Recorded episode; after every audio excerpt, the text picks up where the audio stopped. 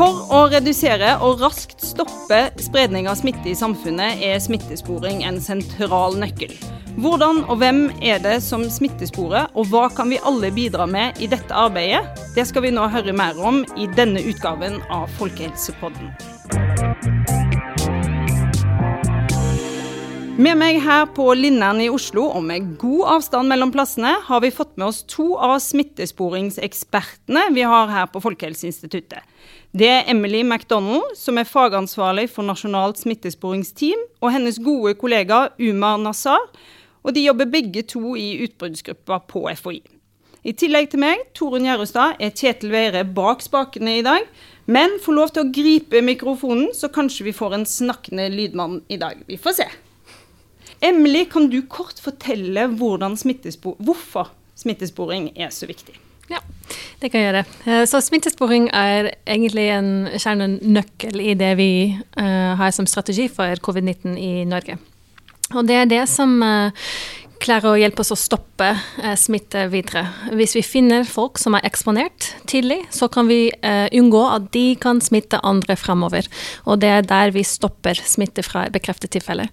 Eh, smittesporing er også viktig for å gå tilbake og se hvor folk er smittet, slik at vi kan avklare situasjoner hvor smitte har skjedd, og unngå at dette kan skje igjen. Mm. Kort og godt der, altså. Eh, og hva er den største utfordringen når vi nå har fått økt smitte i samfunnet? Ja, det er det at det er uh, ja, Hvis det er mange tilfeller som vi må gjøre smittesporing rundt, uh, kan det være vanskelig hvis vi har ikke kapasitet til å gjøre det. Uh, så det er viktig å finne alle disse nærkontaktene. Så personer som har vært i kontakt med et tilfelle, og identifisere disse, og sikre at de er i karantene. Eh, hvis det er veldig mange tilfeller samtidig, blir det vanskelig for kommunene, som er egentlig de som er ansvarlige for smittesporing, å sikre at de har klart å finne og informere alle disse nærkontaktene i god nok tid, eh, slik at de er i karantene. Um, vi ser at uh, når det er mange ulike situasjoner hvor det er smitte som skjer, det kan være veldig vanskelig for kommunene å, å nå alle disse personene i løpet av kort tid. Det uh, fører oss jo litt over på dette her med hvem er en smittesporer? Uh, og Med en gang så får man jo litt sånn krim- og detektivvibber uh, og tenker å, veldig spennende. Uh, og så neste tanke som slår meg, er det mer som en sånn litt sånn slitsom telefoncelle som skal ringe og ringe og snakke med folk. og er det sånn at folk rett og slett nesten ikke tar telefonen fordi det kommer opp sånn ukjent nummer? Hvordan er mer det liksom praktiske arbeidet? Er det spennende å smittespore Omar? Eh, ja, det kan si den, den på en måte den eh, den originale smittesporen, den som har virkelig kontakt med tilfellene og nærkontaktene, han sitter gjerne i smittevernsteamene i kommunene.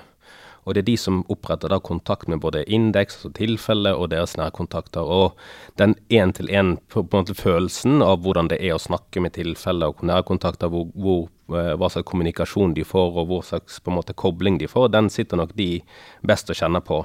Eh, men så blir det fort når de begynner å smittespore og de begynner å se noen trekk. Jeg tror Der eh, har vi i hvert fall inntrykk av at det kan bli veldig interessant eh, når de begynner å se disse nettverkene bygge på seg, at du har en kjede av, av smittede eh, og nærkontakter, og hvordan smitten har da spredd seg ut i ulike ledd. Det tror jeg er veldig interessant for mange å sitte på, eh, og liksom se disse, måte, disse bildene danne seg.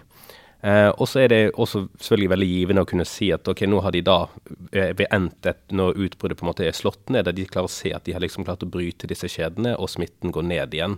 Så det tror jeg er en veldig givende på en måte øvelse for mange, å sitte så tett eh, opp til både nærkontakter og tilfeller. Og så sånn som Emily nevnte på, så Når smittetallet blir veldig høyt og andel smittede går opp, da er det plutselig veldig stor belastning da, å få kontaktet alle sammen i raskt nok, eh, i god tid, for å kunne liksom stoppe disse kjedene. Eh, og da tenker vi også at det kan bli veldig, veldig vanskelig å kunne se de store og det fine og det vakre bildet som danner seg, og da er det veldig overveldende å kanskje sitte. Og da tror jeg nok mange tenker at det er en veldig kjedsommelig og, og, og slitsom jobb, det å både å, å smittespore rundt hvert enkelt tilfelle. Ja, må Men eh, har, har, det alltid vært smittesporer rundt omkring i kommunene, eller er det noe nytt som har oppstått nå? Ja, Det har vel alltid vært smittesporer i kommunen, og ofte har det vært kanskje veldig få personer, kommunelegen og veldig lite team. Eh, Smittesporing rundt, rundt vanlige infeksjonssykdommer har jo foregått, men så har det jo det blitt en helt annen skala på det her nå med covid-19. og Disse smittesporingsteamene har blitt mye større.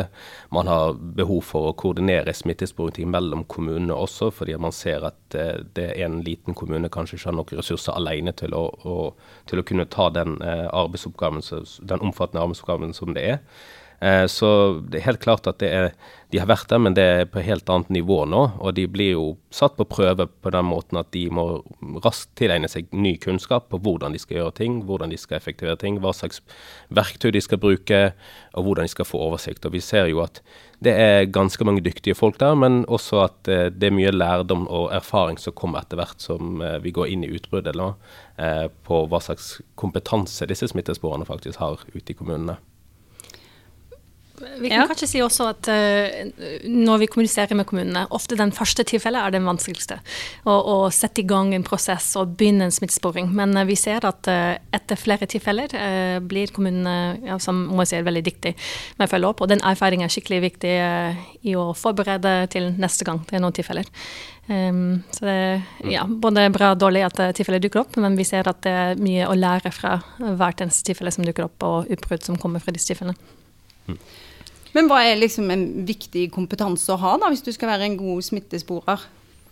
Jeg tenker jo, Først og fremst så er det viktig å ha den fagkunnskapen det er for den, eh, den sykdommen du egentlig skal smittespore rundt. Det å kunne vite hva er eh, eksponeringstiden, hva inkubasjonstiden er, eh, hvor langt tilbake i tid du skal smittespore. Eh, også den typen er viktig kun, kunnskap å ha. Også den personlige relasjonen er viktig. Det å kunne snakke med andre. Det å kunne få ut informasjon fra andre som de kanskje sitter på, men ikke tenker er relevant. Det å kunne vite hva er relevant informasjon. Eh, hvordan skal jeg liksom snakke med en person og så klare å få han til å huske tilbake hva han gjorde to dager siden, eller hvem han var i kontakt med, og hvem kan være potensielle nærkontakter. og det, det, å kunne snakke med folk. og det er jo, Folk er jo veldig forskjellige, altså personer du, de møter på.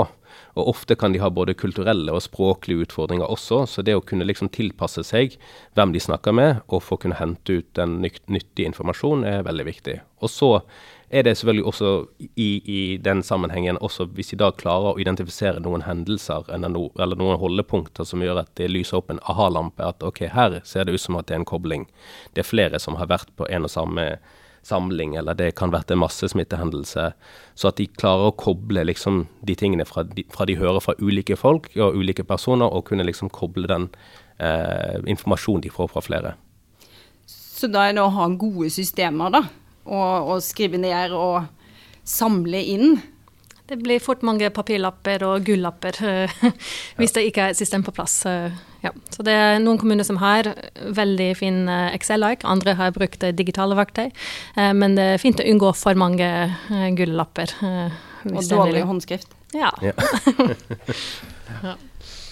Jeg føler i hvert fall også, hvis jeg får bare lagt til, Når vi snakker med de kommunene, så, så, føles de også av og til med at de er inne i sånn, sånn CSI-team, og de skal prøve liksom å få orden på, på sine lapper og sine not notater og sånt. Eh, og så er det den jeg tenker Uansett hvilke verktøy de bruker, så, det, så kommer nesten alle verktøy til kort til slutt. Det er liksom det man må det er den personlige biten, og det er jo den personen som står i det. Det er hans egen, egne personlige egenskaper liksom, som, som, kommer frem da, til å kunne se disse koblingene. Og av og til the one got away. Av og til er det ikke mulig å finne eh, hvordan en person har blitt smittet, eh, Så det vi prøver å unngå, er den antall er veldig høy. Så det er fint om det er det som vi ser på egentlig fra FHI sin side, av hvor mange av disse tilfellene har ukjent smitteveier.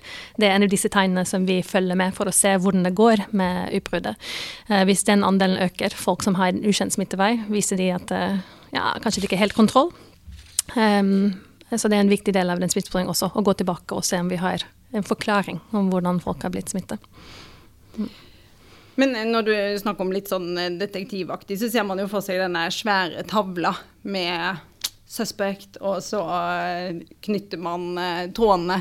Er det nesten litt sånn, eller? Uh? Det, det, er, det, er, faktisk ganske sånt, altså. Ja, både når vi sitter og har kontakt med kommunene, og vi prøver å liksom trekke, liksom legge disse linjene sammen og, og kontaktene. Også når vi snakker med kommunene og hvordan de opererer, så er det mye sånn. altså Både ringer og lapper og hvem som er på en måte indekskasus, og hvem er nærkontaktene, og hvem har smittet liksom videre i kjeden, og, og liksom alle disse piler og alt sånt, det, det, er ganske mye sånt.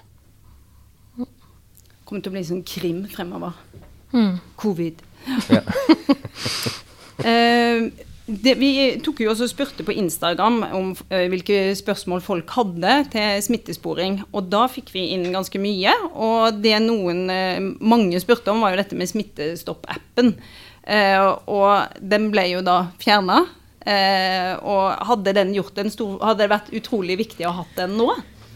Det hadde vært noen fordeler. Eh, vi ser at eh, Når vi ser på mønsteret de som, er, de som blir smitta oftest, er det de som er nærmest oss. Så det er de som vi bor med, de som vi eh, er nærvenner med. Fordi det er en tett kontakt som er kanskje mest avgjørende for smitte. Appen hadde vært nyttig for å identifisere disse kontaktene som vi ikke kjenner. Som de som er ute i butikkene eller på bussen. Um, men vi tenker de, det kan skje at det er smitte i disse lokalene, men det er uh, hovedsakelig de som vi er tettest med, som er mest uh, sjanse for smitte. Så vi sa fordelene for appen er å finne nærkontakter som vi ikke kjenner personlig, og så muligens kunne de ha blitt varslet litt raskere. Så disse fordelene hadde vært veldig fint å ha uh, akkurat nå. Men samtidig hadde det ikke erstattet den smittesporingen som gjøres i kommunene. Det er fortsatt nødvendig til å være en del av strategien. Mm. Jeg kan også bare legge til altså det vi Kanskje Smittestopp-appene første omgang var jo litt uheldig, for den ble lansert i et, i tidsrom hvor det var veldig lite smitte. Og selv når du fikk de til å være liksom fungerende apper, så klarte man kanskje ikke å identifisere så mange nærkontakter. Men i den situasjonen vi er nå, når det er så mye smitte og eh, det er en økende smittetrend, så hadde jo disse appene vært absolutt noe som eh, ville vært veldig Altså velfungerende apper hadde hjulpet veldig mye på smitteeksporingsarbeidet i kommunene og nasjonalt. Men da kan vi jo faktisk eh, spørre lydmannen Kjetil, for han, eh, vi har jo flere hatter ofte her på FHI, og han eh, er jo tungt inne i den nye smitteappen. Så når, for det er mange som lurer på når den kommer? Ja, Den kommer altså 21.12. Det er mandag før julaften. Så da kommer det en julegave til norske folk som kan laste ned en app, og som gjør at de kan varsle eller bli varslet hvis de blir utsatt for smitte. Hvis vi klarer å få ferdig appen til òg, men det er det som er uh, målet. Og her er det masse folk i gang som jobber på harde livet, så det blir spennende. Merry Christmas. ding, ding, smitte, smitte. Ja. Eh, og så har vi fått eh, også litt spørsmål om eh, dette her med personvern. Mm. Eh, hvilke regler gjelder i smittesporing? Kan sporing lagres uten samtykke? Ja, da er det sånn at uh, alle som er involvert i smittesporing, må overholde taushetsplikten. Så det er uh, alle som er involvert, som kan ikke spre informasjon som vi samler inn videre. Vi er ganske strenge på det her i, på FHI, og det er veldig strengt ut på kommunene også. Um, og de reglene vi har for å behandle personlig informasjon, er også streng. Eh, slik at eh, alle data som brukes og er nyttig, nødvendig for smittesporing, behandles på en trygg måte og er ja, i hvert fall beskyttet. Mm. Uh, ofte er det sånn at uh, personene som er involvert i smittesporing, så hvis man er et tilfelle, uh, er det informert om hvordan informasjonen skal brukes. Så det er viktig for oss at den kommer frem, at vi tar ikke inn informasjonen som er ikke nyttig. All dette informasjonen er for å hindre at flere blir smittet. Og de fleste personer er veldig forståelsesfulle når det forklares. At uh, grunnen vi spør om hvem uh, du, man har vært med, er for å forhindre at flere blir syke. Og det ofte hjelper i å, å betrygge folk i hvordan mm. informasjonen brukes.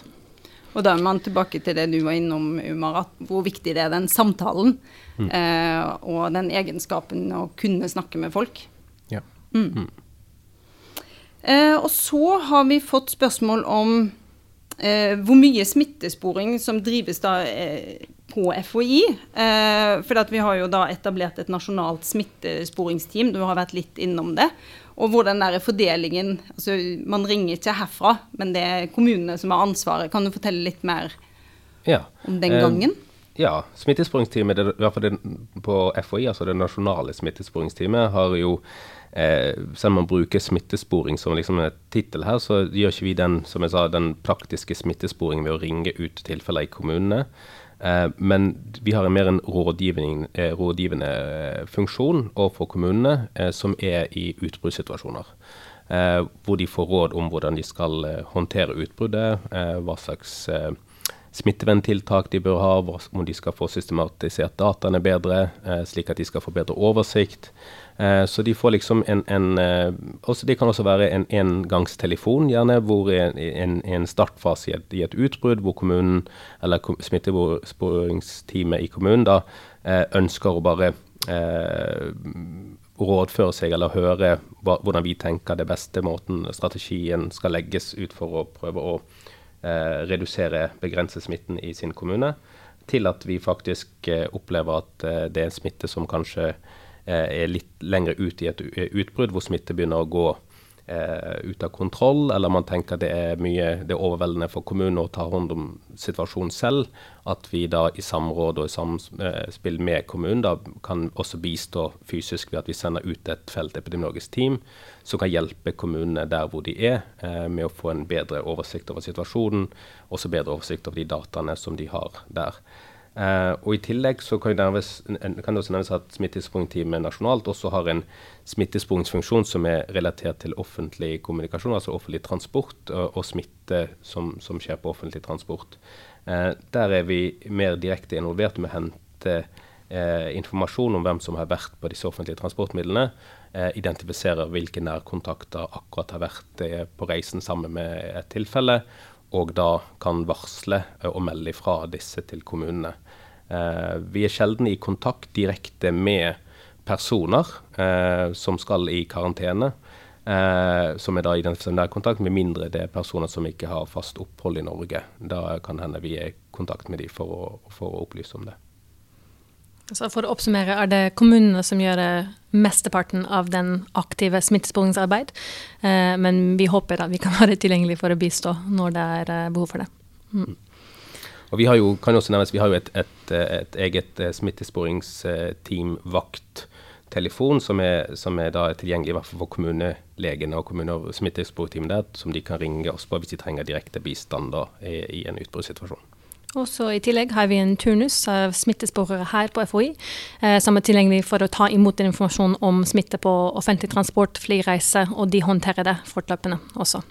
Så det er disse nye strukturene som er etablert eh, i regi av Nasjonalt eh, smittesporingsteam uh, siden begynnelsen av pandemien. Men, men, vi jobber ganske tett med mange andre innenfor folkehelse. Så det er ikke sånn at eh, smittesporingsteamet er veldig avgrenset fra resten av utbruddsgruppa, men det er mer en uh, en funksjon som bistår resten av teamet her for å ha den kontakt med kommunene. egentlig. Dette er ikke sånn at dere går med én farge på T-skjorta, alle i ja, Rain Rainbow. vi, prøv, vi, vi, har prøvd å spille det inn at vi skal ha egne vester og, og, og, og caps og, kanskje et helikopter, men det har ikke gått inn helt ennå. Eller rød telefon, siden telefon ja. er veldig veldig sentralt. Den ringer hele tida, egentlig, så måtte gi den til en annen akkurat nå. Så vi, vi må egentlig skynde oss litt før ja. Uh, Eh, nå er det ett spørsmål som virkelig mange lurer på, og dette er den derre Hva vil det si å være nærkontakt, og hvor går grensa for å være nærkontakt og ikke? Mm. Mm. Skal du få lov til å ta den først, Emily, kanskje? Jeg kan ta den tekstbokdefinisjonen, i hvert fall, eh, til å begynne med. Eh, fordi det vi definerer som en nærkontakt, er personer som har vært innen to meter i over 50 minutter. Og det er da som vi bruker som utgangspunkt uh, for alle smittesporing, egentlig. Men det brukes mer som en guideline, fordi alle situasjoner kan være litt forskjellige. Uh, så det er helt annerledes hvis man er ute i Og det er veldig god ventilasjon, eller man har ikke sånn uh, ja. Eh, eh, det er utgangspunkt, egentlig, fordi eh, det spørs hvor man er. Det er helt annerledes hvis man er i en lukket rom uten vinduer og lys og veldig tett kontakt, eller hvis man er ute på tur i en skog, f.eks. Um, så vi må se på situasjonen rundt disse nærkontaktene for å avgjøre om det er ekstra risiko. Eh, og så eh, I tillegg til det Emilie sier, så, så, er jo den fysiske nærkontakten også nærkontakt per definisjon. da. Men så, sånn som Emilie sier, så er jo den, den eh, definerte eh, nærkontakten er jo, er jo liksom litt, litt, fast, men så har man rom for litt sånn skjønnsvurderinger ut ifra hvordan kommunen opplever situasjonen. Og det er jo mange eh, situasjoner det kan være i en, et, som si, et innemiljø. I en, i en, det kan være et kontorbygg for den del, hvis du har deler et kontor med en person, så du sitter kanskje to meter ifra. Så sitter dere der kanskje en hel dag, eh, to dager sammen, går inn og ut, men dere sitter to meter ifra. Og hvis den ene da har vært symptomatisk over lang tid, og kanskje da blir det liksom en vurdering Ja, dere har jo kanskje sittet to meter ifra, men det er inne luft, det er kanskje ikke god sirkulasjon, og sittet relativt lang tid. Gått på samme do. Gått på mm. samme do og, og, alt det. Og det kan være en, i en restaurantsetting eh, hvor du kanskje har Det har vært en servitør kanskje som har vært og, og servert deg mat på et bord, men så har det vært gjentatt kontakt. Det er ikke nødvendigvis 15 minutter over liksom på, i én kontakt, men det kan være 15 over, over, flere, eh, over lengre tid. da. Så, så det, den type skjønnsmessige vurderinger gjøres hele tiden eh, av eh, smittesprungteamene i, i, kommunene. Og ofte er de vurderingene sli, slike spørsmål som de stiller oss når de tar kontakt med oss. Ja, nå sitter jeg i denne situasjonen her. Ville disse bli definert som nærkontakt eller ikke? Og da gjør vi den vurderingen i, i sammen, med, sammen, med, kommunene. Hva er smittesituasjonen akkurat nå i kommunen? Hvor mye smittetrykk er det nå? Hva slags forhold var det akkurat rundt de personene? Hva hadde vært konsekvensene? Så f.eks. Ja. hvis det er en risikogruppe eller sårbar gruppe, øh, sykehjem eller sykehus, er det litt annerledes enn hvis det er øh, i en mindre sårbar gruppe også. Så det er sånne type ting som ja. man sier. Og så har vi hele tiden den, det har vi alltid i bakhodet at man ønsker ikke å definere noen som nærkontakter som ikke burde være det, fordi at det er veldig inngripende å bli satt i karantene for, i ti dager. Så det prøver vi å unngå. Men så må man eh, veie opp den risikoen da, for at noen kan ha vært eksponert, og hvilke eh, konsekvenser det eventuelt kan få hvis personen ikke blir eh, definert som en nærkontakt og satt i karantene. Og sånn som nå, når smitten da stiger, så skrur man litt eh, strammere, eller da er man kanskje enda strengere.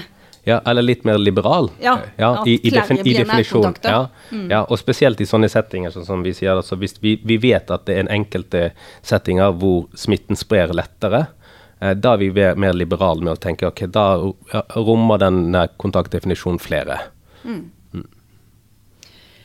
Men det krever jo da For det, eh, det der med hva skal man som eh, en person husker på? Hvor, hvor, langt tilbake må man huske? Hva ble man spurt om? Er det liksom dagen før, eller er det en uke hva mm. man mm. gjorde? Ja, jeg, uh, det er i hvert fall det er to ting man, uh, som en person kanskje må tenke på. Det ene er jo smittesporing i forbindelse med hvor man tenker selv han kan ha vært eksponert for smitte. Og så er det smittesporing liksom det fremover, altså med tanke på hvem den personen kan ha eksponert for smitte når den ble positiv. da. Så disse to er litt sånn atskilt. Så når man, når man eh, tenker på de personene eh, en person kan ha eksponert, så sier man ca. 48 timer, da, eller 48 timer fra personen ble symptomatisk selv. Eh, at det er den, det vinduet hvor man har vært smitteførende og kan ha smittet andre. Og da er det viktig å huske hvem er det man har hatt kontakt med de 48 timene før man blir symptomatisk, eller tester positivt i, i, en, i, en, en utbruddssetting. Eh, men så er det jo viktig også samtidig, hvis du ikke er hvis du ikke vet hvem du er nærkontakt til, som du tenker du har blitt eksponert av, hvor du har blitt smittet, at du da kan tenke tilbake kanskje til og med 14 dager bak i tid og, si, og se ja, hvor tror jeg jeg kan ha blitt smittet? Har jeg vært på et arrangement hvor det var mange folk samlet? Vet jeg, Har jeg vært på reise? Eh, er det noen steder eh, jeg vet det var noen smittede, men det har gått kanskje ti dager, så har jeg blitt smittet nå? Eller jeg har utviklet symptomer nå? Så det, det er også en oppveining for at man skal liksom kunne hjelpe smittesporingsteamet i kommunene til å kunne gå tilbake og si, se eh, har det vært en hendelse som kanskje har ført til at flere har blitt smittet. Og da vil de kunne da gå tilbake til det arrangementet eller til det stedet og da spore rundt de som har vært på det arrangementet. Og, det er egentlig det vi ser er like viktig. Hvis vi ser at uh, en person har vært på en fest, og vi går tilbake og spør litt der, og det er to, tre, fire andre personer som er symptomatiske eller har blitt bekreftet, da må vi fokusere på den festen. For det viser at kanskje noe har skjedd der som har ført til smitte. Uh, så det, å gå bakover og finne disse situasjoner hvor smitte har blitt bekreftet til å ha skjedd, uh, er ganske viktig. Mm. Det er da man tar på seg Sherlock Holmes-hatten og virkelig mm. finne årsaker. Mm. Uh, men er det da et hot tips at folk bør begynne å skrive dagbok, eller å ta uh, hyppige bilder, sånn at man uh, For det, man glemmer jo fort, da. Ja, det hadde ikke vært så dum idé, det tror jeg. Alle kan sikkert dra nytte av en dagbok. Man kan bruke det til mye.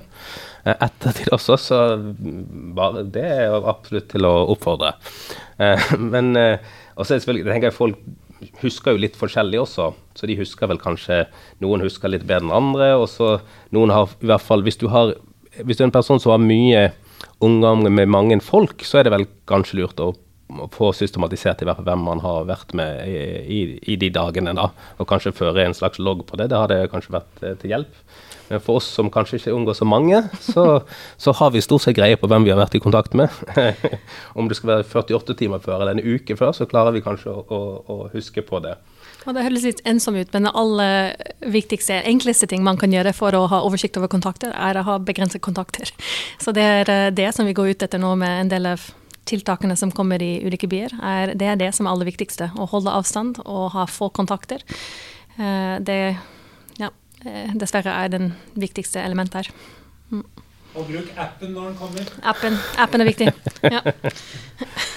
ja, men Da høres det ut som vi har kommet litt til veis ende her, og vært innom eh, hovedpunktene. Og det du sa til slutt her nå, Emily, er vel eh, en fin setning å slutte med. At eh, være litt mer ensom nå fremover. Nei da, det kan man ikke si.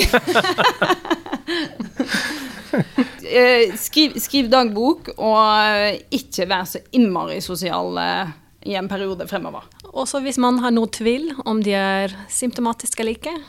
Eh, on the safe side eh, er det fint å reagere som man er syk. Være hjem, eh, ikke eksponere andre, og så teste seg hvis det er noe mistanke i det hele tatt. Det er så veldig, veldig viktige ting som man kan gjøre for å beskytte andre også. Mm. Tusen takk til Omar og Emily og den uh, talende lydmann Kjetil. Ha det bra. Ha det godt. Ha det.